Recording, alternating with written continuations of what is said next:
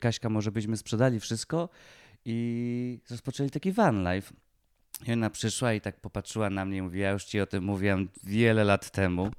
Taka pierdoła, ale przez Beskid Niski jechaliśmy i dojechaliśmy do końca drogi, gdzie była rzeka. I pamiętam, że w tamtym momencie właśnie pomyślałam o nich, jak oni sobie przejechali przez te różne rzeki właśnie w Mongolii, czy gdzieś tam na jakichś stepach, to co my nie przejedziemy tej rzeki Przejechaliśmy. tutaj? I przejechaliśmy. Jeszcze fajne ujęcie było do vloga. No. Branża kamperowa jest tak jak branża ślubna. To są te same rzeczy, ale dużo droższe. Sponsorem dzisiejszego programu jest Ramirez. Ilość ym, tych osób mieszkających i podróżujących w kamperach sprawiła, że rzeczywiście zrobiło się raz, że tłoczno na niektórych miejscówkach. Dwa, że część tych miejscówek jest po prostu już zamykana albo są znaki zakazu. Nasze ulubione miejsca spania to są cmentarze, e, zwłaszcza w miastach, gdzie jedziemy do jakiegoś miasta, bo jesteśmy w trasie i potrzebujemy się gdzieś zatrzymać, to nie na stacji benzynowej, no bo tam jest całą dobę ruch, tylko pierwszy, lepszy cmentarz. Na, jeżeli jest płaski parking, to zostajemy, a na cmentarzu jest cicho i spokojnie. Dobra. Klasyczne początki. No dobra. No to co? A. Czekaj, jak to było? Cześć, z tej strony kapitan Giovanni Gdzie bądź. Dziś znów zabieram was w podróż i znowu nie jestem sam, bo są ze mną wspaniali goście Kasia i Łukasz, e, których znacie. Nie mówię, że możecie znać, ale znacie z kanału Podróżowanie. Podróżowanie przez V. Witamy. Witamy serdecznie. Podróżowanie przez V, no bo właśnie Van jest e, tym trzecim bohaterem, a może najważniejszym bohaterem e, waszego kanału. Nie chcę umniejszać roli waszej, ale też e, no jesteście powiedziałbym więcej niż opowieścią o, o małżeństwie, które sobie po prostu jeździ vanem, tylko jesteście jakby tworzycie miejsce, które tę społeczność y, integruje, spaja i myślę, że to jest y, wielka wartość tego projektu, który tworzycie. Bardzo dziękujemy, bardzo nam miło. E, tak, zdecydowanie. Dla nas to też jest wartość. Jakby od początku mówiąc, van jest jakby środkiem, który, wokół którego kręci się nasze życie. Dosłownie się kręci, no bo nim jeździmy e, na razie po Europie. Mamy nadzieję, że gdzieś w przyszłości po, po dalszych zakątkach świata. No i tak, i po drodze właśnie zaczęliśmy spotykać innych takich ludzi i to, co nas jakby niesamowicie urzekło w tym wszystkim, to to, że ci ludzie drogi, jak ja ich lubię nazywać, e, są gdzieś tam, mamy jakiś taki element podobny. I jakby te rozmowy zawsze dosyć łatwo zaczynają się właśnie od vanów czy kamperów, a potem już zaczynają się takie rozmowy na, na jakieś tam głębsze poziomy zazwyczaj. Więc te przyjaźnie bardzo szybko się nawiązują i w którymś momencie poczuliśmy, że fajnie byłoby tych ludzi, te piękne historie, tych piękne, piękne osoby i piękne samochody pokazywać także naszym widzom. No i do tego na pewno y, dotrzemy w naszej rozmowie, ale pewnie chciałbym ten rys historyczny zacząć od niego e, i, i, i zapytać Was, y, jak do tego doszło, że postanowiliście sprzedać co sprzedawalne, spakować to co niezbędne i rozpocząć życie bez stałego adresu. Ty Łukasz odpowiadaj, a ja oczywiście Mhm. muszę skontrolować, czy włączyłem nagrywanie. To jest stała część Dobra, dobra. każdego. To wszystko zaczęło się w. Kręci? Mamy to. Nasza przygoda zaczęła się w 2018 roku, kiedy przez przypadek znalazłem vloga z Alaski busem przez świat. Oni byli wtedy na Alasce, to była ta wyprawa przez To Amerykę. jest polski kanał? Busem Polski, przyszedł? tak, tak, tak. No, tacy polscy podróżnicy w takim kolorowym busie Niszowi. podróżują. Pozdrawiamy serdecznie e, Ole, Karola i, To Ga- i wszystko- Gajcie. To wszystko przez nich tak naprawdę, bo oni, oni pokazali nam taki inny świat, taki świat, którego ja nie znałem, bo ja wcześniej, jak jeździ- my jak jeździliśmy, to nigdy nie spaliśmy pod namiotem, nigdy nie spaliśmy gdzieś w jakimś lesie, tylko zawsze w jakimś hotelu. I takie podróżowanie to było zawsze samolot i hotel. E, Nawet nie hostel, tylko hotel. Ja raz spałem w życiu w hostelu. nie wyspałem się wtedy, więc już więcej tam nie, po, nie powtórzyłem tego doświadczenia. Ale wracając do Van i właśnie tam trafiłem na filmy o Van i tak zobaczyłem no, inny styl podróżowania, a później YouTube, y, bo ja tam chyba trzy te vlogi zobaczyłem, wszystkie trzy, które wtedy były dostępne i później YouTube po- podpowiedział mi inne filmy ludzi, którzy żyją w vanie i wtedy mi pokazał Van Life. Ja wtedy po raz pierwszy raz w życiu zobaczyłem zetknąłem się z takim terminem van life i zobaczyłem, że ludzie z wyboru, nie z przymusu, zdecydowali się, że zamieszkali w samochodzie i podróżują i są szczęśliwi, pływają, w, skaczą ze skał, pływają na, w morzu, surfują i naprawdę to było tak niesamowite, że po kilku, kilku takich historiach, kilku takich filmikach zawołałem Kasię do biura, bo ja pracowałem wtedy z domu, jeszcze na lata, kiedy lata wcześniej, zanim ten, ta praca z domu była taka popularna jak teraz. A mieszkaliście w Anglii Mieszka- onegdaj. Tak, tak, tak. Mieszkaliśmy wtedy w Bristolu, wcześniej w Londynie, a potem w Bristolu i zawołałem Kasię i mówię, Kaśka, może byśmy sprzedali wszystko i rozpoczęli taki van life. I ona przyszła i tak popatrzyła na mnie i mówi, ja już ci o tym mówiłem wiele lat temu, tylko że ty wtedy jeszcze nie byłeś na to gotowy. No i się usiedliśmy, pokazałem jej jeden filmik, drugi, trzeci. Pamiętam, był taki jeden film gościa, który milioner z Dubaju i on był mniej więcej w moim wieku. Dużo hajsu zarabiał, miał taki imprezowy styl życia i no ewidentnie nie był szczęśliwy. Mimo tego, że miał dużo pieniędzy, to tego szczęścia nie było w jego oczach widać. Sam zresztą o tym mówił. I dopiero gdy rzucił to wszystko, sprzedał ten majątek, Ferrari, mieszkania i wyprowadził się do malutkiego busa, takiego właśnie ma busem przez świat, ten, tę tę trójkę. E, I tym busem podróżował sobie po Ameryce Łaci- Łacińskiej, to mm, no tam zobaczyłem taki błysk wokół po prostu i taką radość, taką wolność w tym człowieku. No plus jeszcze miał taką długą brodę i wyglądał jak hippies, ale naprawdę pobyć... bardziej mi się podobał ten gość z tą brodą niż ten, ten na zdjęciach z jego życia, z etapu, kiedy zarabiał te miliony. No i, I wtedy zobaczyłem, że kurczę, utożsamiłem się trochę z tym gościem, bo jeszcze wtedy pracowałem w takiej branży hazardowej, w kasynie internetowym w, w I Londynie. też zama- z- zarabiałeś miliony, tak? No może nie miliony, ale podobnie imprezowałem jak ten gość. I, I widziałem to zmęczenie po prostu. Mieliśmy podobne zmęczenie e, materiałem, przepalenie, że tak powiem, tą pracą i imprezowaniem. No i wtedy zapragnąłem takiego życia hipis- hipsters- hipisowskiego. No, no, no. I tak się rozpoczęła nasza przygoda vanlife'owa. A ciebie, Kasia, trzeba było, nie, nie trzeba było namawiać na zostanie hi- hipiską. Nie, nie, ja mam trochę hipiski w sobie i ja parę miesięcy wcześniej przeszłam Camino i tam właśnie idąc Camino miałam taki moment, nie wiem jak go nazwać, ale poczułam wolność, po prostu jakby to, ta możliwość zapakowania wszystko, wszystkiego mm, do bytku, do plecaka i wędrowanie bez mapy tak naprawdę i ta, ta taka wolność, że mogłam, mogłam iść, mogłam siedzieć, mogłam w każdym momencie skończyć. E, Kontakt z naturą. Ja właśnie wtedy byłam jakby no, taka wyrwana z tego miasta, z tego pędu. Em, poznałam wspaniałych ludzi. No i tam na tym kamieniu miałam takie, taki, po prostu taki moment, że wow, tak bym chciała po prostu żyć. Po prostu takiej wolności. Potem szybko przyszła myśl, że trzeba mieć hajs, że to nie jest takie proste, tyryryry. No więc powiedziałam, okej, trudno, no nie da się, ale przynajmniej miałam to doświadczenie. No i parę miesięcy później, jak Łukasz mi powiedział właśnie, złożył mi tą propozycję, żebyśmy spróbowali takiego życia, to ja poczułam, że to jest jakby odpowiedź świata na to moje pragnienie życia w wolności. To może zaczepimy się na chwilę w tym y, hiszpańskim słówku, bo Camino to spacerować, ale to przede wszystkim spacer, y, jeden z tych ważniejszych spacerów w Europie. E, Tak słowem uzupełnienia, Camino de Santiago de Compostela i to jest y, szlak pielgrzymi tak, do Santiago de Compostela, czyli, e, czyli miasta na, w Galicji. Tak? To jest y, północna, Zgadza się? Północny zachód y, Hiszpanii. To jest coś, co ja tam też y, czasami sobie podglądam i googlam. Mój tata przeszedł Camino na drodze francuskiej, y, zdaje się, od Leon i przez mniej więcej dekadę nie mówił o niczym innym. Mhm, dlatego tam się tak ciągnie.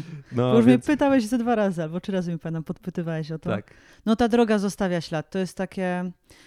Znaczy, nie wiem, czy ty byś to poczuł, w sensie tak mocno, bo ty podróżujesz dużo, więc już podejrzewam, że dużo takich doświadczeń, które tam się zdarzają, to pewnie doświadczyłeś. Jakby, bo Łukasz też ze mną poszedł. Ja byłam za pierwszym razem sama, a potem jak już zaczęliśmy naszą podróż, to Łukasz ze mną poszedł i, i Łukasz mówi, że cudowne doświadczenie, ale, ale to już nie było takie wow, bo doświadczył dużo takich e, niesamowitych Bo rzeczy. Nasz van life to jest taka, taka droga, to jest takie kamino. My po prostu cały czas żyjemy w drodze, cały czas poznajemy nowych ludzi, którzy są na chwilę z nami, potem odchodzą, oni jadą w innym kierunku, my w innym kierunku i w kamino, na kamino to właśnie też tak wygląda, że tam się po prostu idzie, poznaje ludzi, rozmawia się z nimi, a potem oni idą albo szybciej, albo wolniej i się rozstajesz z tymi ludźmi. Cały dobytek wieź, niesiesz ze sobą w plecaku, a my wieziemy w plecaku, więc ja Ja po prostu się czułem jak na Camino, tylko takim mniej zmotoryzowanym, jak w van life'ie, tylko mniej zmotoryzowanym.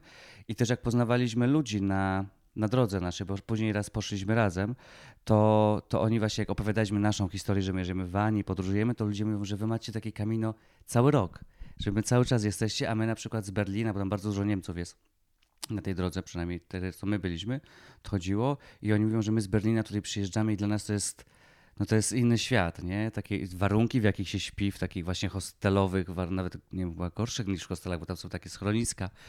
I Albergi. Alberga, no, no, no. I, I oni, dla nich to jest całkowicie inny świat, nie?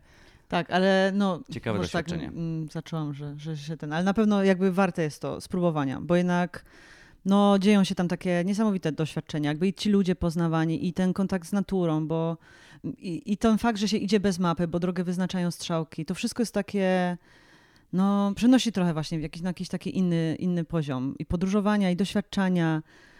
No, ja to bardzo tak przeżyłam wewnętrznie. Natomiast jest, no, jest dużo osób, którzy też idą tam właśnie jakby tak sportowo, czy dla doświadczenia. Nie trzeba być no, wierzącym, niemniej jednak, tak, nie trzeba być drogę, wierzącym. No, no, no. Jest dużo tam właśnie osób, którzy jakby w ogóle poza religią.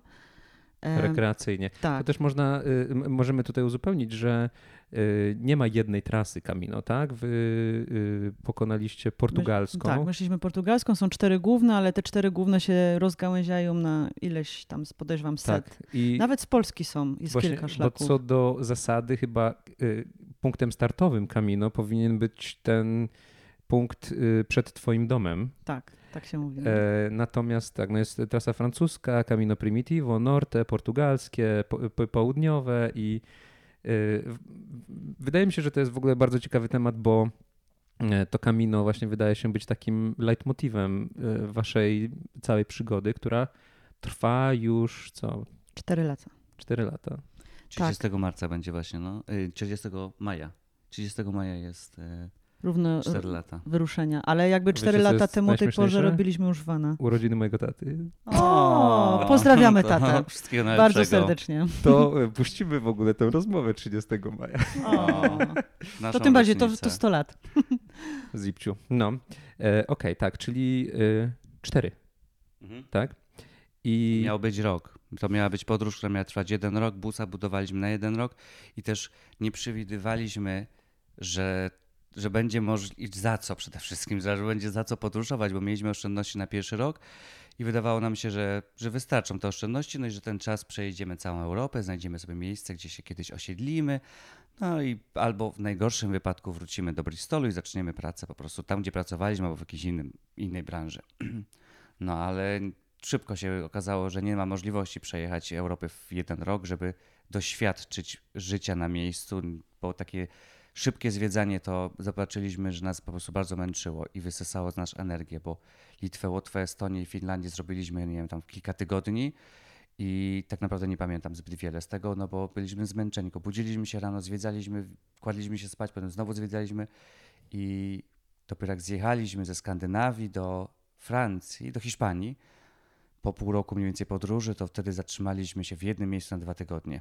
I wtedy doświadczyliśmy czegoś całkowicie innego i wtedy poczuliśmy, że to jest van life, bo zatrzymaliśmy się w Peniscoli nad wybrzeżem, na jakimś klifie zatrzymaliśmy się i był widok na morze i cisza i spokój i żadnego pośpiechu. No i to od tego momentu już zwolniliśmy tempo.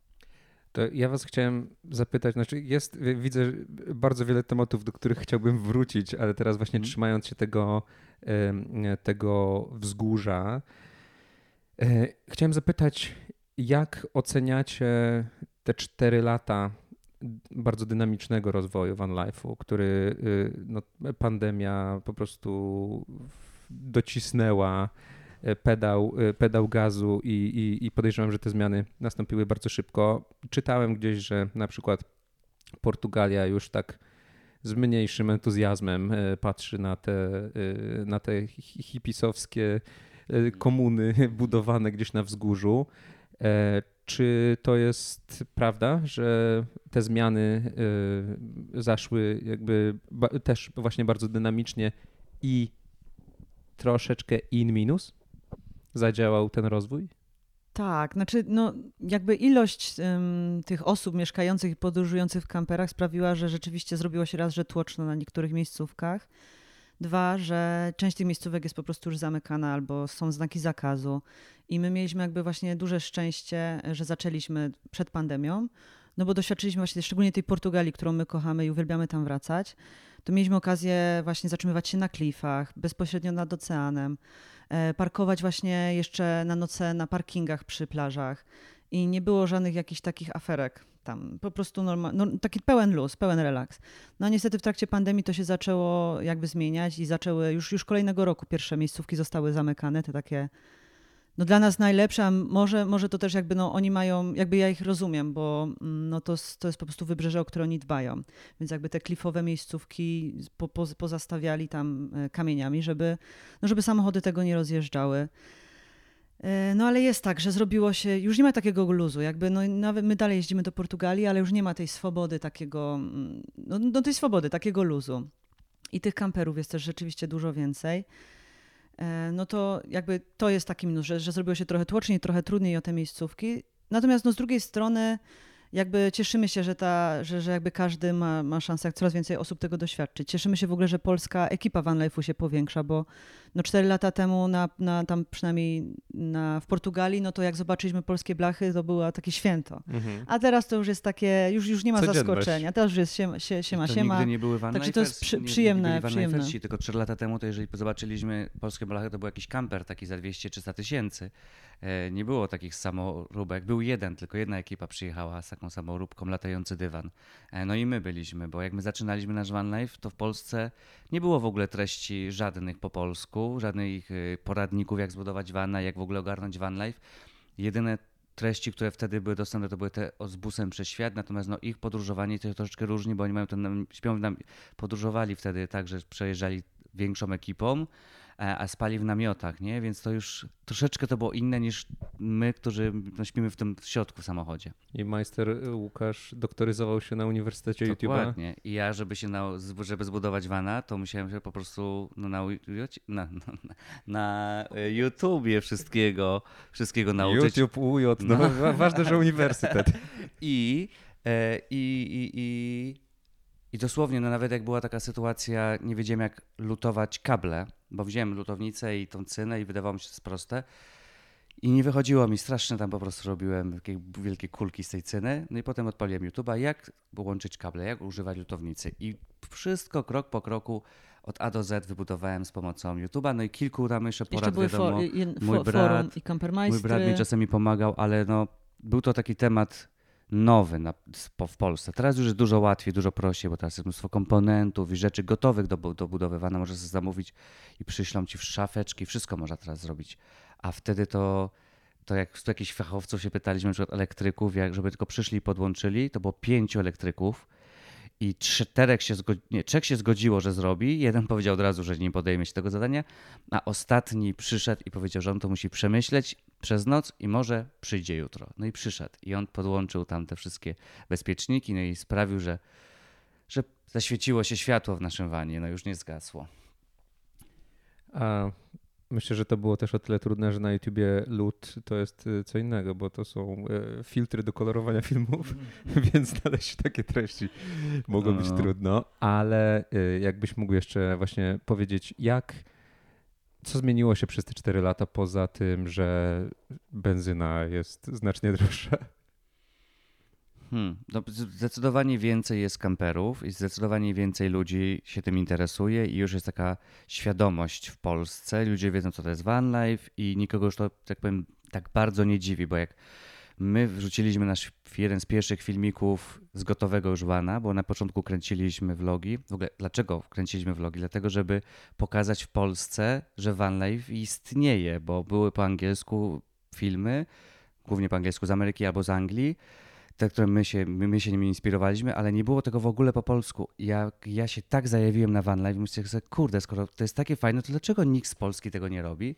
I trzeba to pokazać Polakom przecież, nie? A często dostajecie takie sygnały, że zainspirowaliście kogoś do tego, żeby tak, kupić tak. vana, żeby to, coś przerobić, coś zmienić w swoim życiu? Tak, wydaje mi się, że to są setki, jak nawet nie więcej. E, bardzo, bardzo dużo ludzi uwierzyło, że to jest możliwe i to jest w ich zasięgu. I całkiem niedawno właśnie kręciliśmy historię takich emerytów ze Śląska, którzy... Z cicha. No, no, no. Rysia. Ryśka, który. Przepraszam, którzy, ja się wtrącę. Bo my, my byliśmy. Wtedy, byliśmy, poznaliśmy Aha, się, tak, poznaliśmy się, się w Portugalii, poznaliśmy właśnie tych. Yy, e, tę parę i mówię do Zofii, wow, ale super ten Rysiek. Zdzisiek, przepraszam, Zdzisiek, ale jakiś Zdzisiek, Rysiek. I założyliśmy się o dobre sushi, jak No. ma na imię bohater waszego filmu, więc czekamy na niego. Kasia będzie mi pisała, że no, historia. to jeszcze chwilę, nie- niedługo będzie, ale w międzyczasie okazało się, że jednak Rysiek jest Zdziśkiem. Ha. E, Przepraszam, e, koniec przypisu redakcyjnego. Ja tylko dopowiem, że oni właśnie jak ich poznaliśmy, to tam y, żona powiedziała, ona po, zac- opowiedziała historię, jak to się ich zaczęło w ogóle u nich ten van life i to, że wybudowali tego vana. Ona oglądała nasze filmy na YouTubie i go zawołała, pokazała te filmy e, tego naszego kampera i mu powiedziała, widzisz, on potrafi, on to zrobił, to ty byś nie dał rady? No i on powiedział, no ja bym nie dał rady? No i wybudował kampera, nie? I bardzo dużo osób zobaczyło, że ktoś taki jak ja, bez żadnego doświadczenia w majsterkowaniu, potrafiłem wybudować kampera, nawet już w zasadzie dwa do, te, do tego czasu, e, mam na swoim koncie i, i oba jeżdżą, nic się nie zepsuło i to, i to jest wykonalne, plus jeszcze nie trzeba być ani doktorem, ani prawnikiem, ani jakimś bardzo bogatym człowiekiem, żeby móc mieć swojego kampera, że to naprawdę nie są aż tak duże pieniądze. E, no i ludzie uwierzyli w siebie, zaczęli budować kampery, przebudowywać samochody, małe, większe, duże, ciężarówki nawet i, i teraz na ulicach jeżdżą polskie kamperwany i po całej Europie ich spotykamy, nawet w Turcji, w Portugalii. No, przeszła zim, po, poprzednia zima, ta właśnie pandemiczna, w zeszłym roku to było dwa lata, w zeszłym roku, to kurczę, to tak dużo Polaków było w Portugalii i wszyscy nas znali, bo wszyscy gdzieś nas oglądali. Nie było tak, że ktoś musieliśmy się przedstawiać, tylko jak to przedstawialiśmy się, my- my już cię znamy, my śledzimy, my oglądamy. No trudno byłoby nie oglądać, no nie, no nie trafić. Jeżeli ktoś się interesuje karawaningiem albo vanlife'em, no to, to musi gdzieś tam w którymś momencie przynajmniej jeden filmik nasz obejrzeć. No, słyszę, że jesteście bardzo skromni, ale My to od- ja głównie.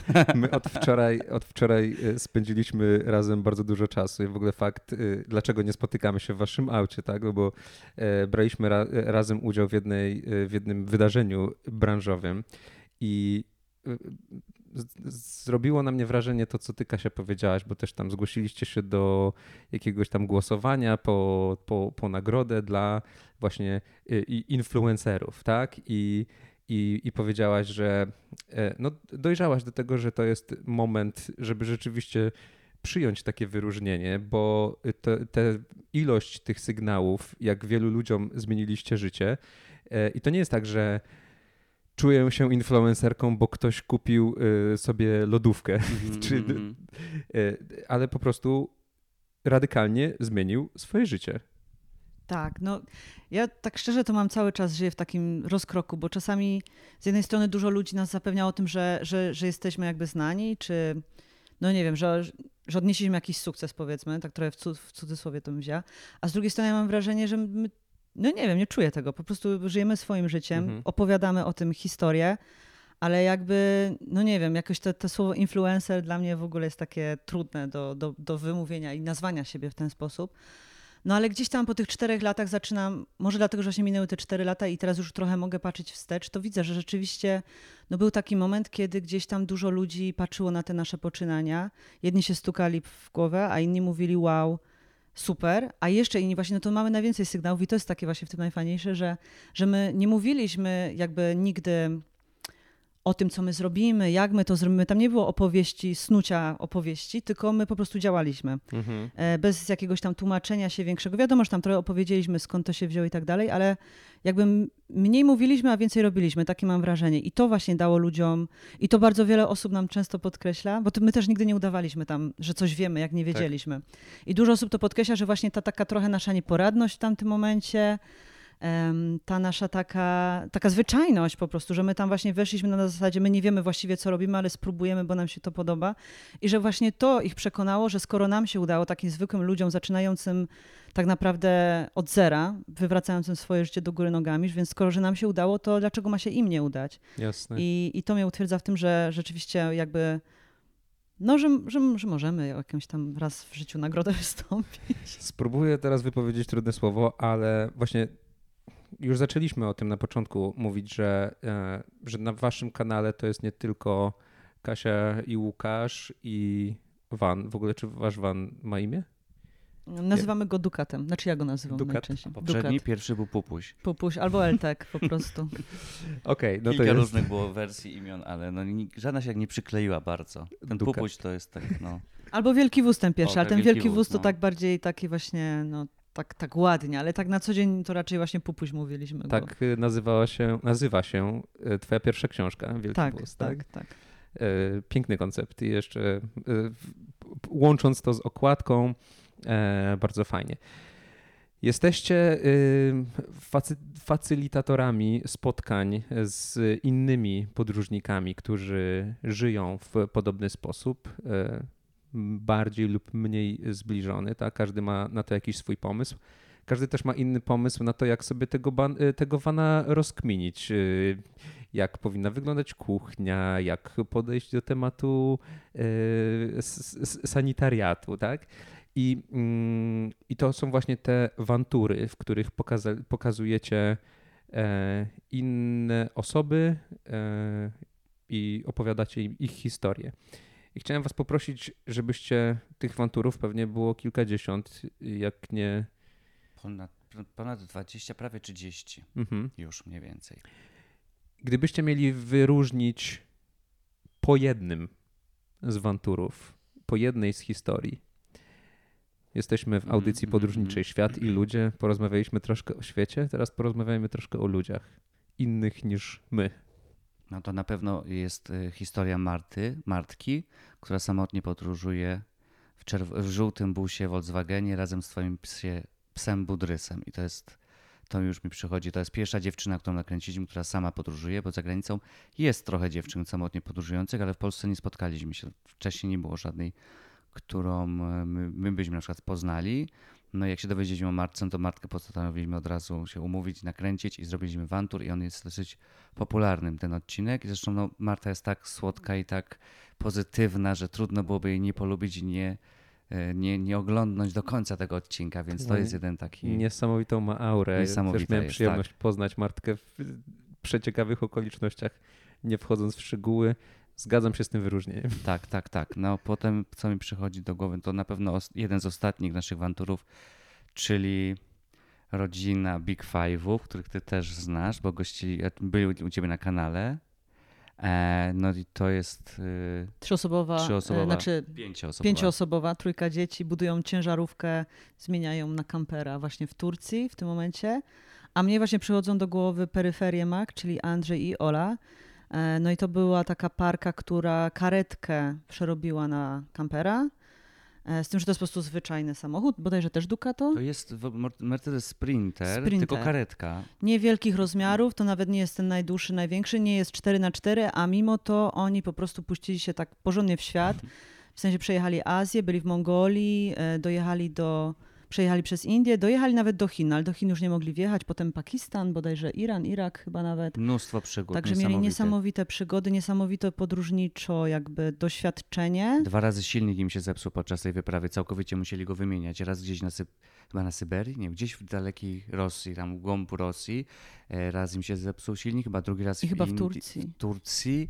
E, I oni w ogóle nie mieli takiego żadnego doświadczenia, bo to byli tacy pracownicy korpo, którzy pracowali w Szanghaju bodajże.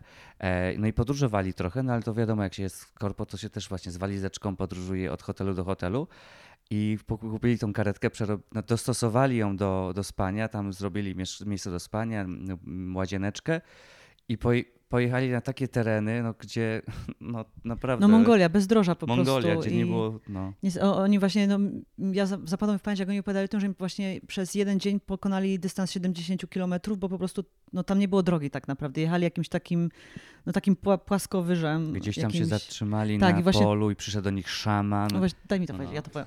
Bo oni się zatrzymali na tym polu, bo jadą przez Mongolię, pustkowie, nie ma nic, no to dzisiaj nocleg tutaj, po prostu na, na tej drodze, no bo i tak tutaj no, nie, nic nie będzie. No i się tam zatrzymali i po, par, po jakimś czasie przychodzi do nich człowiek, zagląda, ubrany właśnie w taki e, tamtejszy strój, no i okazało się, że to był jakiś chyba właśnie szaman. Nie, o, nie wiem, czy on był szamanem. W każdym razie zaglądał do nich, wszedł sobie tam i zaczęli na migi się porozumiewać.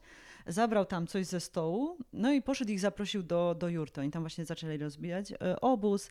E, No i właśnie potem okazało, że on tak zabrał, ponieważ oni tam wszystko mają wspólne, więc dla niego to było takie naturalne, że on sobie może coś zabrać i oni też ich potem tam ugościli. Właśnie to był moment, kiedy Ola przestała być wegetarianką, bo jakby, żeby ich powitać, zabili dla nich jedyną kozę, jaką tam mieli ze sobą. No i jakby ich ugościli. Potem, jak już oni tam, mm, Andrzej w ogóle właśnie nagrał tam e, taki niesamowity, krótki dokument e, o szamanie, który tam właśnie był chyba z nimi. E, No i potem jak już ruszyli dalej w podróż, to ten gościu, ten co przyszedł do nich jako pierwszy, on do nich dzwonił. Mimo, że właśnie ani słowa nie umieli ze sobą wymienić, to mimo to on sobie tam czasami dzwonił, on po swojemu mówił, oni po polsku, no i tak się utrzymywali ze sobą kontakt. No i oni mieli mnóstwo takich właśnie przepięknych, niesamowitych takich przygód i, i podróży i takich spotkań z drugim człowiekiem w takich miejscach na świecie, których ja jak słyszałam, że oni tam pojechali, to otwierałam oczy na zasadzie, czy wyście powariowali. A oni właśnie powiedzieli taką piękną rzecz, Ola powiedziała, że że oni piszą na nowo mapy świata dla siebie, bo jakby z wiadomości, z telewizji, z gazet znamy jakieś takie oblicza tylko te, te ciemne jakichś takich miejsc odległych. Jak no, chociażby oni, Pakistan, nie? czy Iran. Czy Iran. No. A oni, jak tam pojechali, no to mówi, że to były jakby takie no, przepiękne doświadczenia. Przede wszystkim przepiękne spotkanie z drugim człowiekiem. I to właśnie tam ich najbardziej e, gościnnie ludzie to nie podeszli, najbardziej o nich troszczyli i w tych biednych rejonach, które w Europie się kojarzą, że są bardzo niebezpieczne i od razu cię porwą i zabiją, tam właśnie przychodzili do nich ludzie i dawali im to, co mieli, a nie mieli zbyt wiele tu ci ludzie, ale dzielili się nawet tą jedyną kozą na wiosce, zarżnęli kozę, żeby, żeby po prostu ugościć przybyszów z daleka. Ja mam takie wspomnienie, teraz jak o tym opowiada, opowiadaliście, to też właśnie wróciłem na chwilę do Iranu, gdzie też się właśnie złapałem na tym, że e, poznaliśmy takich bardzo ciekawych ludzi e, i złapałem się na tym, że jestem po prostu totalnym więźniem jakichś takich swoich nastoletnich wspomnień z oglądania serwisów informacyjnych, bo dla mnie Yasser, no to był Yasser Arafat i to było jakby jedyne moje skojarzenie i nawet nie wiedziałem do końca o co chodzi, ale tam zawsze jakieś strzelaniny i ten. E, A jego kumpel tego Yassera miał na imię Hussein. E, No to ja tutaj siedzę z kurczę z Saddamem i Arafatem i jest świetnie. Pijemy sobie herbatkę i wymieniamy się swoimi doświadczeniami czy spojrzeniem, em, spojrzeniem na świat. Czyli rozumiem, że e, ci ludzie jakby otworzyli wam troszeczkę takie myślenie o tym, że nie wiem, można właśnie wypuścić się dalej, tak? Tak, tak, dokładnie. No, kiedy ja jakby, bo oni też jakby nagrywają, robią bardziej takie dokumenty, ale nie wiem, czy mogę polecić, ale serdecznie polecam Peryferię Mac. I to są Wszystko można polecać. to z całego serca, bo, bo oni robią, to nie są vlogi, tylko to są takie bardziej, takie kilkuminutowe filmy dokumentalne albo jakieś takie wstawki. No i niesamowicie piękne ujęcia i, no i te ich opowieści. To, mi uświadomiło, że w ogóle, że my się jakoś tak boimy, zasiedzieliśmy się trochę w tej Europie i że możemy wyjechać dalej, jakby właśnie poza te znane regiony i że sobie poradzimy. Jeśli oni sobie poradzili w takim zwykłym samochodzie, bez 4 na 4 i przejechali właśnie całą Mongolię, In- Indię i, i tę resztę krajów, E, I, I nawet mimo problemów właśnie takich jak ten, ten silnik, który im się zepsuł, e, sobie poradzili, to pomyślałam, że my też sobie poradzimy. Po prostu. I potem już jak mieliśmy jakieś takie właśnie e, jakieś takie wyzwania na drodze, no raz pamiętam, że właśnie taka pierdoła, ale przez Beskid Niski jechaliśmy i dojechaliśmy do końca drogi, gdzie była rzeka. I pamiętam, że w tamtym momencie właśnie pomyślałam o nich, jak oni sobie przejechali przez te różne rzeki właśnie w Mongolii, czy gdzieś tam na jakichś stepach, to co my nie przejdziemy tej rzeki Przejechaliśmy. tutaj? I przejechaliśmy. Jeszcze fajne ujęcie było do vloga. No. Ale totalnie właśnie tam w tym momencie, kiedy dojechaliśmy do końca, była rzeka, to ja bym nie oglądał tych filmów Andrzeja i Oli, to bym nie przejechał przez tą rzekę. Po prostu Mhm. szkoda by mi było kampera i wszystkich rzeczy, które są w środku, ale potem sobie pomyślałem, kurczę, jak oni w Mongolii się nie bali, a ja tutaj w Polsce, gdzie najwyżej jakiś polni, po, rolnik mnie ciągnikiem wyciągnie, jak tam wjadę do środka, to jedziemy. No i Kaśka poszła, nakręciła z mostku, czy tam z, z, z mostku dalej, a ja sz, przejechałem przez rzekę i Ale to jest super, bo No to jest problem. taka kaskada inspiracji, nie? że Mhm. e, oni pokazali wam e, coś, wy powołując się na doświadczenia tamtych ludzi, doszliście do wniosku, że dacie radę, pokazaliście to na vlogu i później kurczę Rysiek ogląda i mówi dobra, no dawaj, jedziemy, co się może stać? Kaśka sama była na wycieczce, e, dała radę i to jest moim zdaniem świetne, że tak możemy no, że tak to się kaskadowo rozlewa, nie? Ja, ja to nazywam, że to się energia wymienia, bo tak jak my zainspirowaliśmy się czy właśnie busami, czy tymi ludźmi e, z Ameryki, tak potem my zaczęliśmy inspirować innych, a z kolei ci, których my inspirujemy, często o tym nam mówią i wysyłają takie ciepło w naszą stronę, co Hmm. daje takie ponowne, aha, warto to robić. No dobra, a skoro wiemy, że możliwe są Mongolie, możliwe są Iraki, y, to opowiedzcie nam o swoich marzeniach podróżniczych. To może Kasia powie, bo ja po prostu. No mnie ja się marzy wykonuję dużo. Właśnie ta polecenia. Mongolia, Mongolia mi się Jestem bardzo kierowcą. marzy. Mongolia mi się bardzo marzy, właśnie odkąd zobaczyłam u, u nich, że, że można e, i że tam jest właśnie tyle terenu, przez który można po prostu jechać. E, No ale też mi się marzy właśnie Iran, bo to też było właśnie, mm, Turcję zrobiliśmy pod koniec zeszłego roku, jakby pojechaliśmy na trzy miesiące. E, I to był taki pierwszy nasz kraj, już można powiedzieć taki trochę azjatycki. Tam są te wpływy widoczne i odczuwalne. No i też mieliśmy to samo, co ty Z punktu powiedziałeś. widzenia geografii. Tak, jak Azja, najbardziej no. Azja. E, I miałam dokładnie, i Łukasz też miał dokładnie to samo, co ty mówiłeś o tych jakichś takich zapamiętałych, zaszłych przekonaniach, to co gdzieś tam jakiś zlepek usłyszanych historii. No i trochę mieliśmy obaw, jakby, jak będzie w tej Turcji. W sensie ja wiedziałam, że nic się nam tam złego nie stanie, ale trochę tak właśnie ta, ta inna kultura, e, inna religia, jak to będzie. No i po tygodniu okazało się, że jest rewelacyjnie, że ci ludzie są fantastyczni, ciepli, otwarci, że mimo jakichś tam tych różnic, właśnie, że nawet właśnie chyba to chodzi o te różnice, bo jakby jestem jeszcze bardziej ich ciekawa, co tam się dzieje, skąd to się bierze i tak dalej. No i ta Turcja uświadomiła mi, że ten, ten wschód to jest świetny kierunek, którego jakby bez sensu jest się bać w ogóle. No i sprawiło, że teraz mam ochotę jeszcze dalej tam gdzieś, gdzieś jechać. No i ten Iran też mi się marzy. Ale też równocześnie marzy nam się Afryka po prostu, jakby i, i Maroko, i gdzieś tam może pojechać w dół. E, Jakby ja od dawna śledzę właśnie Dodo i ona jest dla mnie olbrzymią inspiracją, właśnie ta, ten ich trip do Gambii. Też mi się przypomniało, że w ogóle na studiach miałam takiego ziomeczka Cezara, który, no to już było chyba ponad 10 lat temu, jak zbudował ze swoimi ziomeczkami e, tak prowizorycznie wana. No i oni mieli też cały świat przejechać, ale skończyło się tylko na Afryce, no ale przejechali ją od północy na południe, do samego końca. Bo Kasia studiowała turystykę. Tak, studiowałam turystykę. E, No więc takie są marzenia, no Stany też, Ameryka, no wszystko nam się marzy, no ale chyba w tym momencie najbardziej ta Afryka jednak, mimo wszystko. E, No to musiałbym cofnąć to pytanie, które miałem na myśli, ale w sumie e, je sparafrazuję, bo zastanawiam się, na ile w takim van life'ie jest takiego też pragmatyzmu finansowego. No bo jak myślę sobie o tym, że można trzy miesiące spędzić w Turcji albo jadąc do Europy Zachodniej, to jednak te jednostkowe koszty, czy litra benzyny, czy litra wody, y, czy czegokolwiek. E, I chciałem spytać właśnie, jak ty też na to patrzycie i w ogóle jak, jak leci kasa w takiej podróży, w takim van life'ie, nie? Bo my sobie jesteśmy tutaj w Warszawie, dzisiaj y, wypiliśmy kawkę, to y, Łukasz, y, Łukaszowi się W szokującej cenie u, ugięły nogi. Wczoraj zjedliśmy ramen w, szokujący, w szokującej cenie. I kasa, będziemy o zupkach chińskich kas, kasa, kasa leci. Jak leci kasa na van life'ie? E, No na pewno jest taniej niż y, w życie w stolicy. Niż w Warszawie. Niż w sto... no, podejrzewam, że wszystkie stolice mają takie wysokie ceny. Em, No jest dużo taniej, bo my na przykład nie płacimy za czynsz, ani za media, nie płacimy za prąd, za gaz, więc y, to jest duża oszczędność na pewno. Wiadomo, że musimy płacić za paliwo, więc to jest tak, w zależności też od kraju, no teraz jest drogie paliwo, ale jak my zaczynaliśmy ten nasz van to jeszcze ceny paliwa były w normalnej cenie. E, Wszystko było jeszcze tak, no powiedzmy, w granicach jednego euro e, za litr. E, I no wtedy dużo podróżowaliśmy, dużo jeździliśmy i nas. Ile teraz kosztuje litr benzyny tam, tam 2,20. gdzie mieszkacie? 2,20 w Mhm. Portugalii jest teraz. Euro. Euro. Więc y, no to jest raz ponad, no przynajmniej jedno, no 100%, 100% więcej niż jak parę lat temu, jak zaczynaliśmy. A ile pali wasz dom? Ponad 10 litrów na 100 kilometrów. Mhm. No, ale my mamy to szczęście, że my naprawdę przejechaliśmy wzdłuż i przez całą Europę. Wtedy, kiedy jeszcze paliwo było tanie, zobaczyliśmy wszystko to, co chcieliśmy zobaczyć. No i teraz jesteśmy w tej Portugalii, bo tam po prostu się dobrze czujemy i tam dużo nie podróżujemy, bo cały ten rejon Algarve to ma długość mniej więcej 100 kilometrów, więc powiedzmy od jednego do drugiego miejscowości, od plaży do plaży to jest tam nie wiem, 10-15 minut.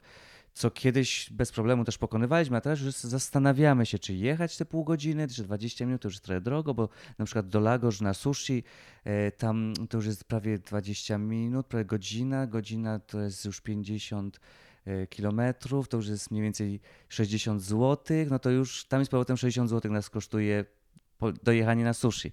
Już wtedy już zaczynamy kalkulować, ale Ale to jest takie, tam, bo tam jesteśmy akurat, to Tak. tam jakby możemy też coś innego po prostu zjeść, ale jakby dla nas chyba mm, ten, ten aspekt finansowy nie był nigdy jakimś takim jakby wykluczającym, że tak powiem. W sensie Tak, na tak, przykład tak. chcieliśmy pojechać do Skandynawii, mimo że tam jest bardzo drogo, zdecydowaliśmy się na to, tylko się po prostu odpowiednio do tego przygotowaliśmy. Mhm. Jakby mieliśmy wałówę na trzy miesiące praktycznie w bagażniku, w sensie suchy prowiant i, i, i sosy pomidorowe i konserwy. e, i żyliśmy, bo Paprykarz. jakby plusem tego van life'u wydaje mi się jest to, że to od nas zależy, ym, ile będziemy wydawać na życie, bo znamy osoby, które żyją turbo oszczędnie, mało jakby się przemieszczają z miejsca na miejsce, tylko sobie po prostu gdzieś znajdują jakąś miejscóweczkę, zarzucają kotwicę i często robią tripy na przykład do sklepów, do dużych marketów po to, żeby tam po prostu w śmietniku zaopatrzyć się w jedzenie.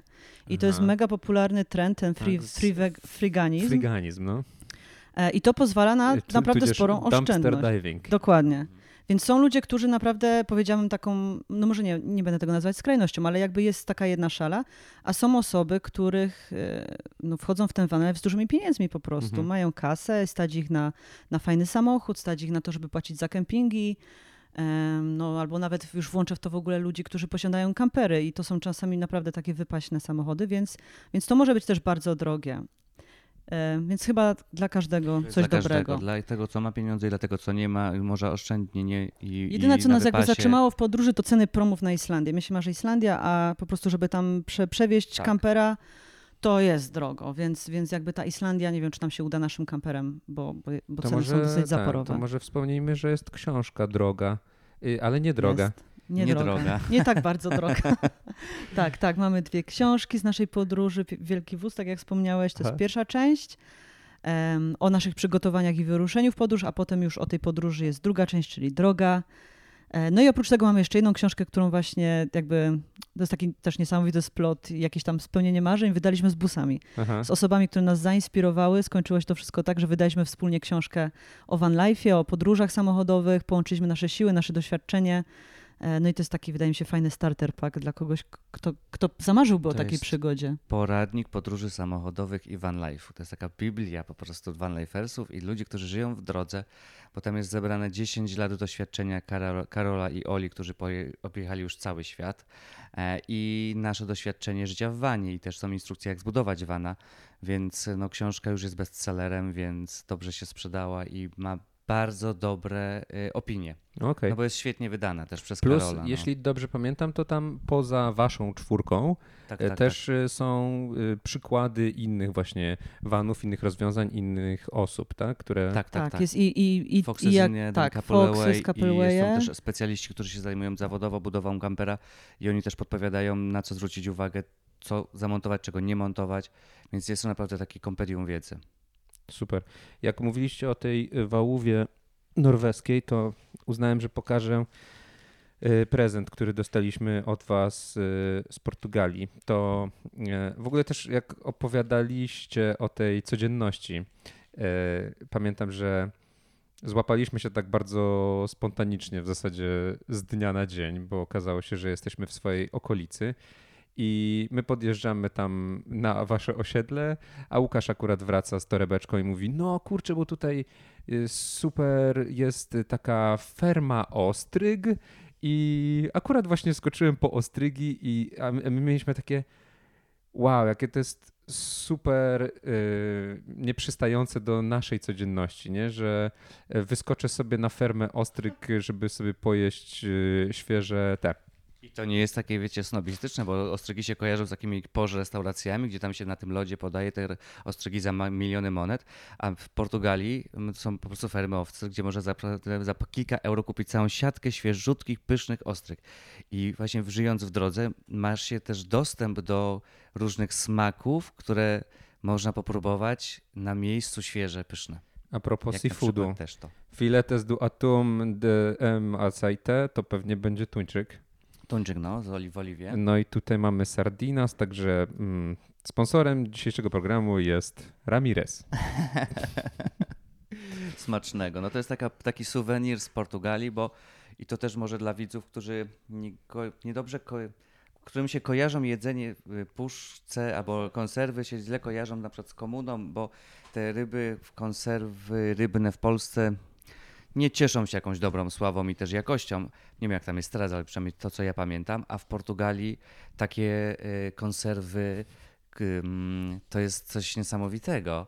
To po prostu jest his- kawał Łukasz nie dostaje po- za to pieniędzy, on nie, po to prostu nie jest kocha jedzenie reklama, i kocha ale gadać. naprawdę, jak ja tam przyjechałem i ludzie właśnie na pamiątkę kupują, taki suwenir z Portugalii kupują te, te puszki, sobie myślę, Boże, co, no, co, co, co tu się dzieje? No ale potem spróbowałem, czy to jest prawdziwa ryba, świeżo wyłowiona, zrobiona Prawie na w miejscu. całości. Tak, Żeby było więc jasne, Ramirez nie ma pojęcia o tym, co tutaj się dzieje. Ani ten drugi, bom, bom petisco.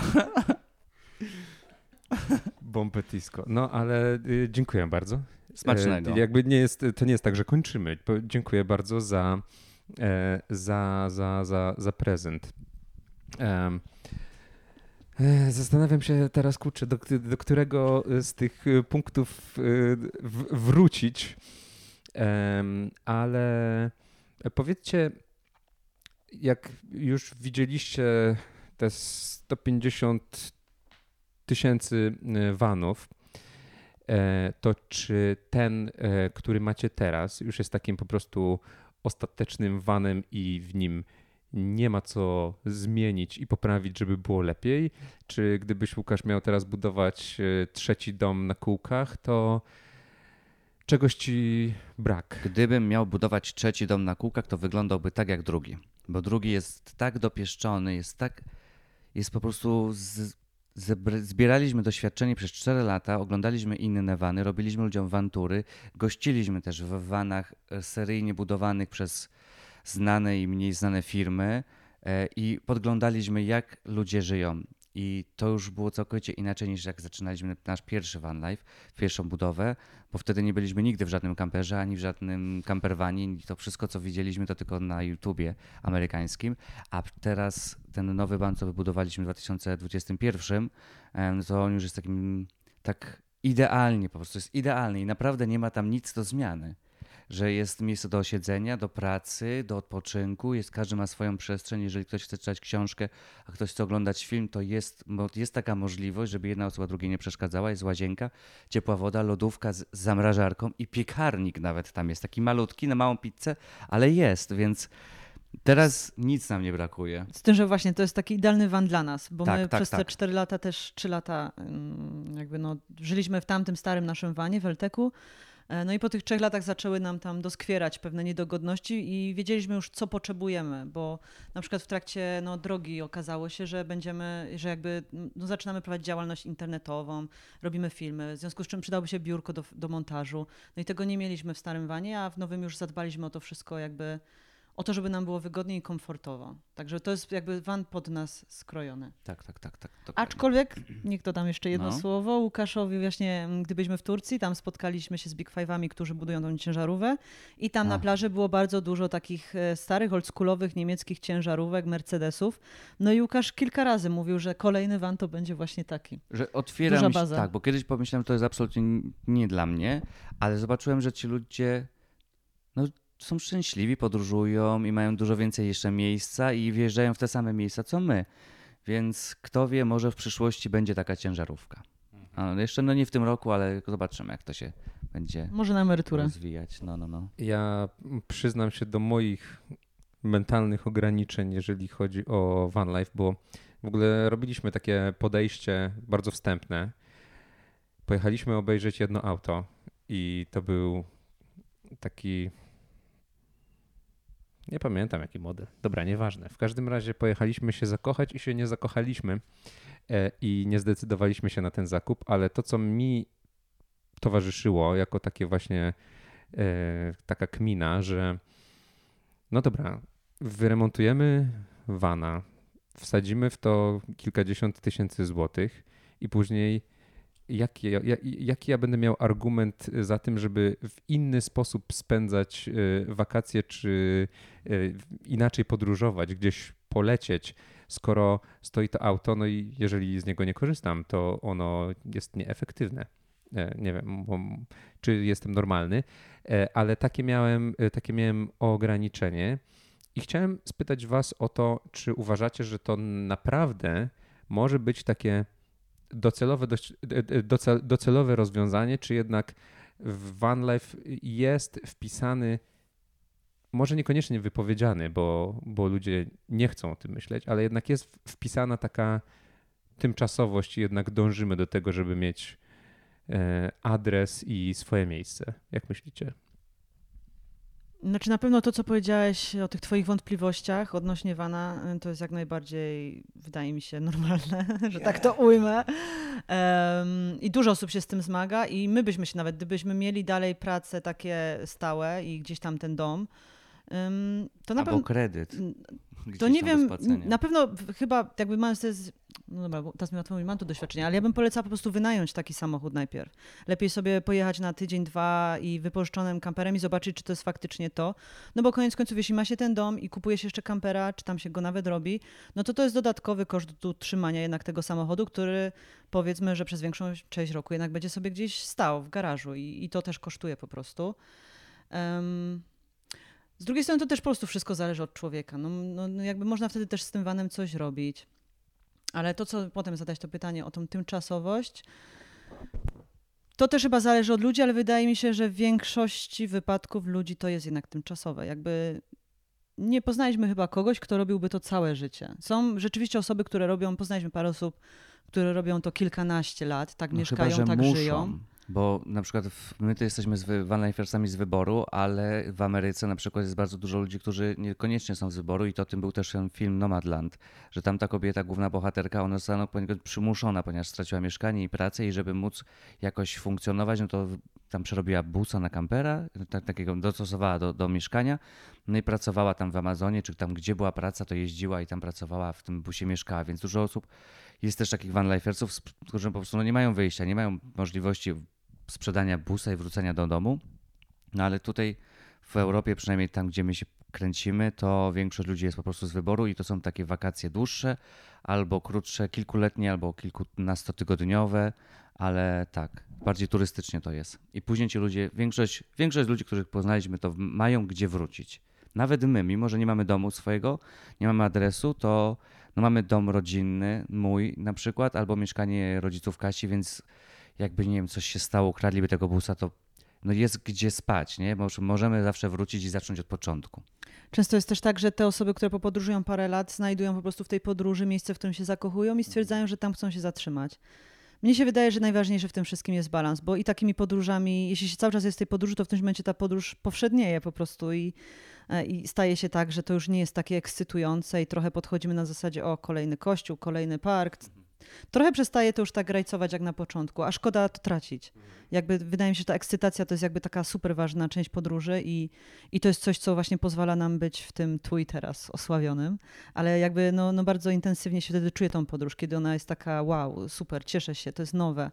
po A jeśli za czasie, długo no, podróżujemy, jesteśmy cały czas w tej podróży, to ta nowość przestaje być nowością i, I, i, potem tylko coś życie. tracimy. A potem to już jest, potem się już staje to takim życiem w wanie. To już jest taki van life, czyli życie w wanie, tak jak my teraz mamy, bo my na początku byliśmy takimi no, turystami, podróżnikami, odkrywaliśmy cały czas nowe miejsca, a teraz po prostu żyjemy w wanie. I teraz siedzimy w tej Portugalii kilka miesięcy, e, no w zasadzie w jednym miejscu, a w obrębie jednego województwa e, i, i jesteśmy szczęśliwi. Wystarczy nam to, co jest teraz. Nie mamy takiego ciśnienia, żeby już odkrywać. Tak, Kolejne. dzięki temu jakby odpoczywamy, ładujemy baterie i właśnie potem mamy ochotę na jakąś nową, większą, dalszą podróż, która nas znowu ekscytuje. Eee, uciekła mi jedna myśl, ale nie, nie, nie będę jej- gonił, bo złapałem inną, e, kiedy mówiliście o tych e, rodzinnych stronach. E, Nie jest tajemnicą, skąd pochodzicie, bo to wystarczy spojrzeć na blachy albo dobrze się wsłuchać w to, jak gadacie, żeby wiedzieć, że jesteście ze Śląska. Powiedzcie, jak e, powiedz synek, Nie, nie jesteśmy ze Śląska. Małopolska. Małopolska. To, to było kiedyś bo, Bielsko-Białe, gdzie województwo bielskie, ale teraz już jest krakowskie. Sławeckica koło Wadowic.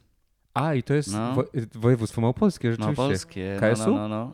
KSU, tak. A. Dużo osób myśli, że jesteśmy z Ustrzyk, e, że jak zespół KSU, e, bo taka jest rejestracja, ale kiedyś było, Ustrzyki miały KSU, taką rejestrację, a teraz ma Sucha Beskidzka, ukradliśmy No dobra, nie ma czegoś tak. Nie, nie ma takiego odcinka audycji podróżniczy Świat i ludzie, żeby prowadzący się nie skompromitował, więc, więc mamy to za sobą, a już wydawało się, że y, to, te, to, to tym razem. Przynajmniej pamiętasz nasze imiona, bo nam się zdarzało wystąpić nieraz nawet w telewizji, i gdzie podpisali nas źle, na przykład Kasia i Tomek z podróżowania. Okej. E, A powiedzcie, jak y, Polska jest przygotowana na van life, jeżeli chodzi o. Jeżeli ktoś chciałby uprawiać tę turystykę, ale nie wiem, zgubił dokumenty albo po prostu boi się wyjeżdżać poza granicę Rzeczpospolitej. Jak wyglądamy, jeżeli chodzi o dostępność ciekawych y, miejsc kempingowych, gdzie rzeczywiście kurczę można się wyspać? Nie najgorzej powiedziałbym, tak? Hmm. Ponieważ odkąd wybuchła pandemia, no to jest boom na kampery i wszystkie kampery się sprzedają, po prostu jest no, ogromne zainteresowanie i już pandemia się kończy chyba, ale nadal, e, nadal zainteresowanie kamperami rośnie, e, a wraz z nim infrastruktura powstaje, pojawiają się miejsca, gdzie można nalać wodę, wylać wodę, zrobić tak zwany serwis. Są nawet sieci, to nie będę wymieniał, bo nawet nie wiem jak to, które, ale są sieci stacji benzynowych, które chcą, jest jedna taka duża sieć, która chce na wszystkich stacjach benzynowych mieć swoje stacje, gdzie, gdzie można sobie nalać wodę, wylać wodę i i ten serwis y, kamperowy zrobić. E, Więc to się rozwija, jest coraz więcej kempingów, no bo ludzie też widzą, że to jest, jest zapotrzebowanie, więc też przerabiają te swoje pola na kempingi. No te kempingi nad morzem, na Helu, no to one są zabukowane na cały sezon i tam stawki są Tam No jest jak- problem, żeby postawić przyczepę. Tak, to, tak, to trzeba mieć- zwalnia się miejsce i rzucają się ludzie. Z No. dużym wyprzedzeniem trzeba rezerwować, wynajmować wynajem kampera czy miejsce trzeba w takim dobrym kempingu.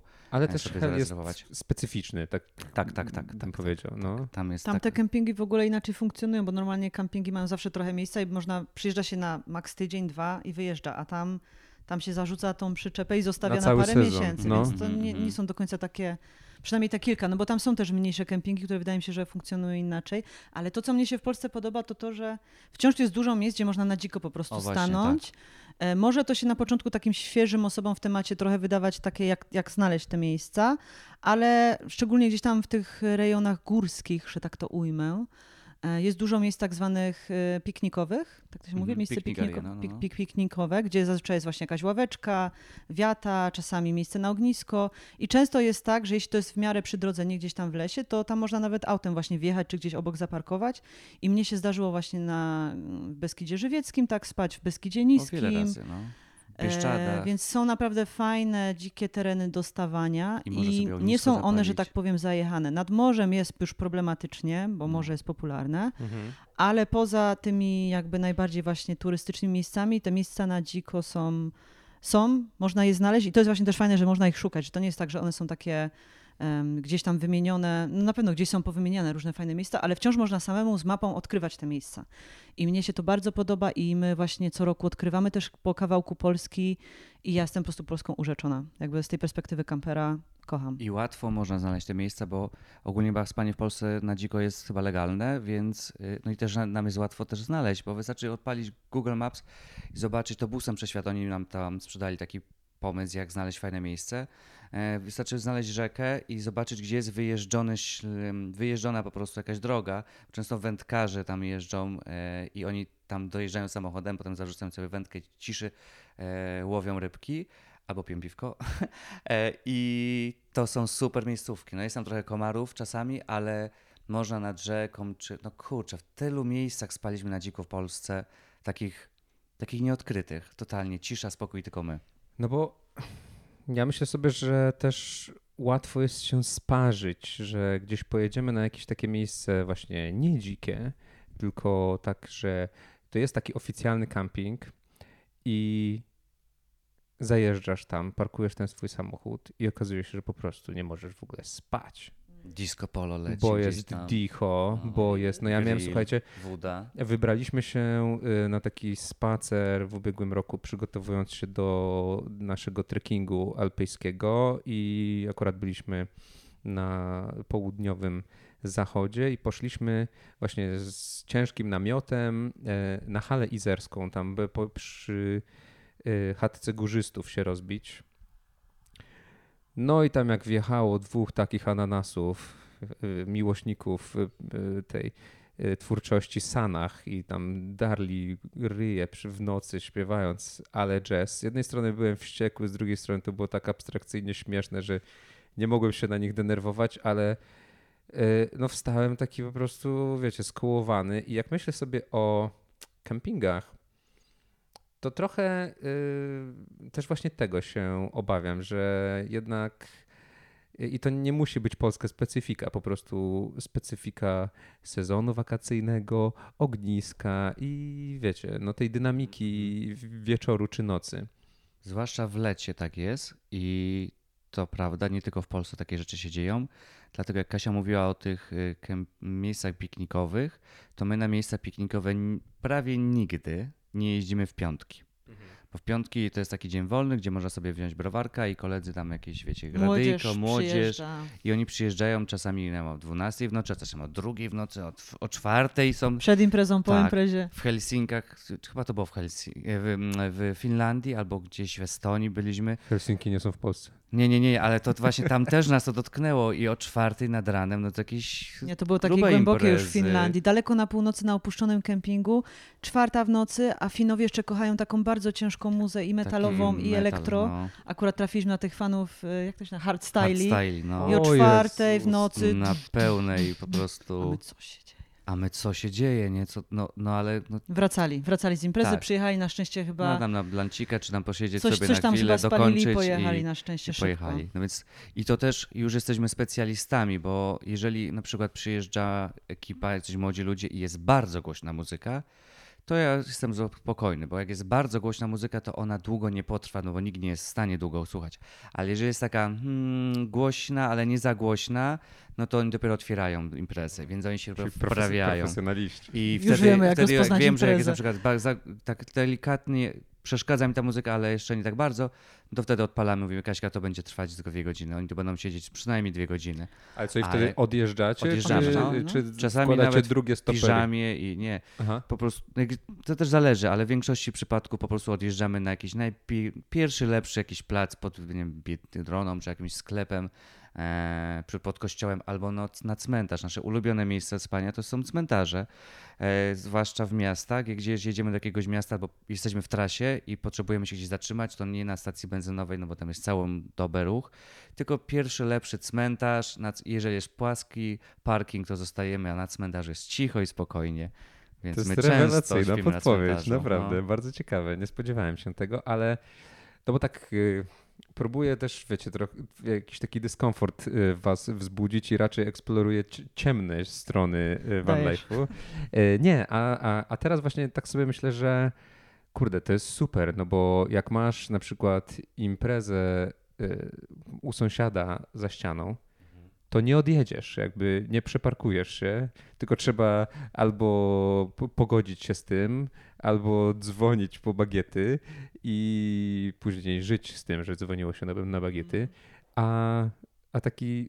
Ja w ogóle nie pomyślałem o tym, że ma, macie taką To swobodę. jeszcze jeżeli to jest, wiesz, sąsiad, który robi raz imprezę, no bo ma parapetówkę albo urodziny, to jest okej. A jeżeli to jest sąsiad, który sobie lubi codziennie taką imprezę zrobić, to potem mieszkanie, na które na przykład zainwestowałeś milion czy ileś tam set tysięcy złotych, to jest, staje się koszmarem. I, I potem nie możesz po prostu uciec z tego mieszkania, bo nawet go nie sprzedasz. No, dużo ludzi się właśnie kopało w takie coś, nie? A my, jeżeli nas sąsiedzi nam wkurzają, muzyką albo czymkolwiek innym, odpalamy silnik, sayonara, nie?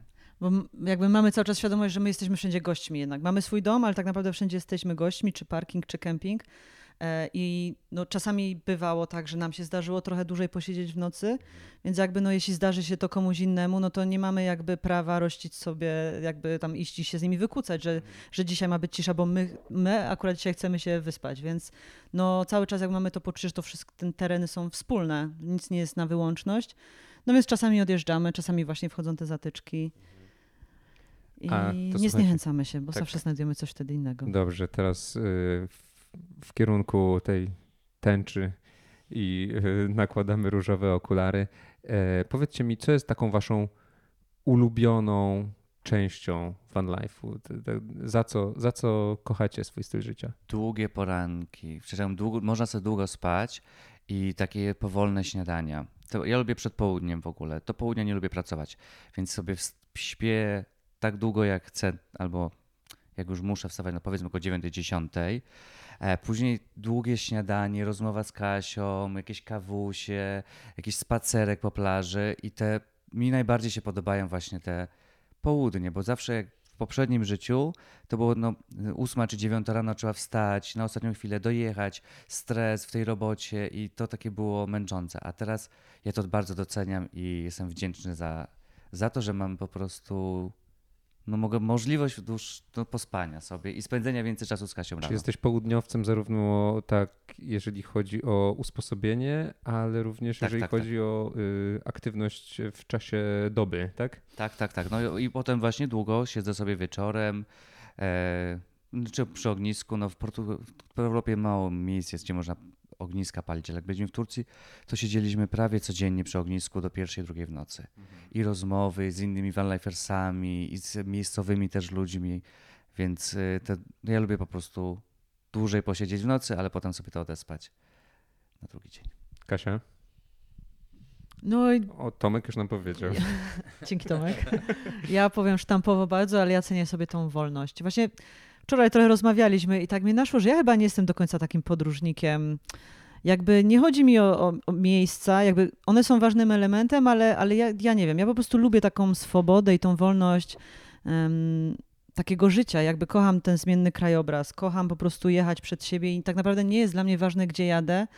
Ważne jest to, że po prostu jadę. Też taką właśnie kiedyś tam gdzieś tam miał taką frazę, że, że droga jest jego psychoterapeutą. I ja trochę mam coś takiego, że dla mnie to jest takie, nie wiem, kocham po prostu tą wolność, kocham, kocham możliwość tej swobody zatrzymywania się, no i kocham poznawanie ludzi w trasie. Jakby to jest takie, no nie wiem, wszyscy ci kamperowcy są taką rodziną, ci vanlifersi na pewno. Em, na pewno tam się ktoś zdarzy, kto, kto trochę się tam nie odnajduje, czy nie czuje tego, ale no nie wiem, ci ludzie są po prostu wspaniali, to są przyjaźnie od razu, takie, tak, tak to czuję, to wiadomo, że do przyjaźni trzeba lata doświadczeń i tam wspólnych, wspólnych jakichś przeżyć, ale, ale jakby to porozumienie, nie wiem, to jest niesamowite, co, co, co, co, tam się, co tam się między nami dzieje, jak szybko się takie właśnie zawiązują relacje. No i kocham ten zmienny, jakby też to, to, to, że codziennie mogę być gdzie indziej, jakby, że czasami wychodzę z widokiem, mam morze przed sobą, czasami jest to las, czasami jest to cmentarz, ale zawsze jest to, to, to jakieś nowe, ciekawe miejsce. E, No i najczęściej już teraz w naturze i to też mnie strasznie jara, że mogę być blisko tej przyrody i, i się tam zaszyć i spacerować. I, no i że ta wolność gdzieś mnie też prowadzi w takie, jakby taką, przybliża do siebie, do ludzi. No ale to ogólnie wolność, po prostu wolność, no kocham. Wspaniałymi jesteście ambasadorami tej idei i myślę, że kilka osób y, mogło poczuć się e, zainspirowanymi. E, Dobra, pytałem o marzenia, a plany na, na najbliższe tygodnie, miesiące? No koniec e, maja, początek czerwca wracamy na parę miesięcy do Polski. W sierpniu będę remontował pierwszego naszego vana. Żeby stał się trzecim. żeby stał się trzecim, dokładnie. Jak w Pokemonach, ewolucja, nie? z LTK na LT, LTusza. Bo, bo jednak jesteśmy bardzo przywiązani do tego samochodu, a ostatnie 7 miesięcy spędził w stodole zamkniętej, więc chcemy po prostu. Ale odpalił, widziałem na Odpalił Instagramie. od razu, no to W jest, ogóle bez zająknięcia. To są samochody, które były produkowane jeszcze przed. No, żeby jeździły. To, było, to są niemieckie produkcji samochód. Bo teraz który- produkuje się tak, żeby się zepsuł w Teraz, określonym żeby jak momencie, tak? najszybciej, dużo elektroniki, żeby się zepsuł i dużo kosztowała naprawa, a tamten samochód był stworzony po to, żeby wozić ciężkie, ciężkie e, materiały, no bo to był samochód dostawczy, więc e, no i ten silnik jest naprawdę świetny i, i I mechanicy. ciężki życiowy bagaż. Tak, tak, tak. I mechanicy wszyscy, wszyscy chwalą ten samochód, więc silnik serce ma zdrowe, tylko troszeczkę tam rdzewieje, więc kosmetyki trzeba zrobić z zewnątrz. No i wewnątrz tam dostosujemy go, to przy, przy, będzie przypominał ten właśnie drugi. E, To, a Łukasz, y, przerwę ci na chwilę, bo teraz to wy jesteście, y, jesteście, jak to mówią, y, grube kotlety y, w branży, ale jak zaczynałeś y, właśnie majstrować przy tym pierwszym Mhm. y, wanie y, i to było bardziej takie chałupnicze, nie? mhm, mhm. Jaki to jest, jaka to jest skala kosztów, żeby doprowadzić busa, który woził owoce i warzywa Mhm. y, do mie- zamieszkalnego Wszystko zależy od obiektu. osoby, która to buduje, bo to jest tak jak z mieszkaniem, nie? Możesz sobie tanio wyremontować i urządzić mieszkanie kupując rzeczy na Elixie albo gdzieś na, na śmietniku Albo znajdować. zrobić stolarkę za 80 koła. Albo możesz stolarkę za 80 koła sobie zrobić, albo nawet i więcej. Więc i, i tutaj często ludzie po, popełniają tą, wpadają w tą pułapkę, nie? że widzą u kogoś takiego super wypaśnego kampera i chcą mieć takiego samego, no ale to wszystko kosztuje, a wszystkie rzeczy, które się, to jest jak branża kamperowa jest tak jak branża ślubna, to są te same rzeczy, ale dużo droższe, więc rzeczy do kampera identyczne, które można w domu zastosować, ale są do kampera, to już są dwa razy droższe.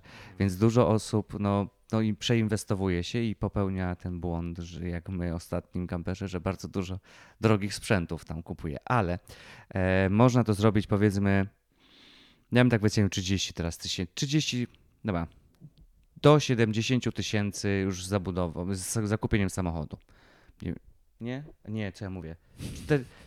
Bo to się, te ceny teraz idą w górę, nie? Z Nie, no myślę, że na miesiąc. 70 Od 40 to do jest... 70 za zabudowę. Coś takiego. Bo A, pierwszego kampera 40-70 plus auto. plus auto, Mhm. tak. Bo jak my pierwszego kampera kupiliśmy za 12 tysięcy złotych, za 15 tysięcy go wyposażyliśmy w te wszystkie sprzęty i w sumie kosztował nam 30, i jeszcze jakieś remonty mechaniczne 35 tysięcy złotych 4 lata temu. I to był kamper, który no do dziś je, jeździ, ale e, no teraz to już jest niemożliwe. To bo ceny się całkowicie zmieniły i wszystko poszło do góry i nawet ten sam samochód, ta baza naszego kampera, ten Volkswagen LTEC, wtedy kosztował 12, a teraz go mechanik ostatnio wycenił, że on chciał go kupić za 20 tysięcy od nas. Pustego, bez żadnych, budę. Mhm. sam, sam, samą budę bez zabudowy. Więc y, no teraz są, samochody też są w cenie, stal jest droga i tak dalej, więc trzeba się przygotować, wydaje mi się, no mieć tak przynajmniej te 70 tysięcy. Ale tu mówimy o tych większych też O vanach. większych, no, no, no, o Takiej takich dużych. Ducato Mamy największy, Sprintera. najdłuższy, a te mniejsze, te czwórki, te piątki, e, to można za 20 tysięcy, już nawet 20 do 40 tysięcy e, już z samochodem. No. Więc to wszystko zależy od modelu i od osoby, która tam będzie podróżować, wielkości samochodu, tego kto będzie budował, bo tak naprawdę najdroższa i tak jest robocizna. Jak ktoś e, buduje sam, no to jest dużo jest w stanie zaoszczędzić, bo jeżeli ktoś zleca na zewnątrz, to za wybudowanie kampera są firmy, które biorą na przykład stówkę, 100 tysięcy. I, I no, w tym jest przynajmniej wydaje mi się, że 60% to jest robocizna. Dobra, bo przerwałem, mówiliśmy o planach, tak? Że będziesz y, odrestaurowywał y, LTU-sza. Tak, tak. No i potem jak go odrestaurujemy, to zastanowimy się, co dalej robić z nim i z tym Ducatem. E, czy puścimy jeden w obieg, że ktoś by, będzie nim jeździł, albo będzie go wynajmować, albo sprzedamy, to jeszcze wszystko się wyklaruje. No ale na jesień, wiadomo, jedziemy do słońca. Tam, gdzie będzie ciepło i jeszcze nie wiemy, gdzie to będzie. Bo to może być Afryka, to może być Maroko, to może być Ameryka, to może być znowu Turcja. Dużo Na- zależy od sytuacji, jaka będzie na świecie Tak, po prostu. tak, tak, Jakby tak. Nie planujemy już nic. Na pewno musi być to ciepłe miejsce, bo my kochamy słońce i my po prostu jesteśmy ciepłolubni. Jak nie ma słońca, to ja się źle czuję. Więc ja zawsze muszę mieć słońce. No dobrze, to słuchajcie, życzę Wam tego słoneczka, życzę Wam tego słoneczka. Mam nadzieję, że troszeczkę go wsłaliśmy przy pomocy e, kamery i rejestratora dźwięku. Przypominam, że moimi gośćmi byli Kasia i Łukasz przez V. A sponsorem tego odcinka był pro, producentka Konserwy. konserwy Ramirez. Dziękujemy bardzo za zaproszenie. Bardzo dziękujemy. E, Zapraszamy do nas na kanał na podróżowanie. Tak jest. E, I bądźcie zdrowi. Pozdrawiamy. Pa, pa. Był to szósty już odcinek audycji podróżniczej Świat i ludzie. Dziękuję pięknie za uwagę. Jeżeli oglądałeś, oglądałaś na YouTube, to tu kończy się zadanie, a jeżeli ktoś słuchał nas przez Spotify lub a, Apple Podcast, to tam można dać swoją ocenę, do czego serdecznie zachęcam i pozdrawiam raz jeszcze.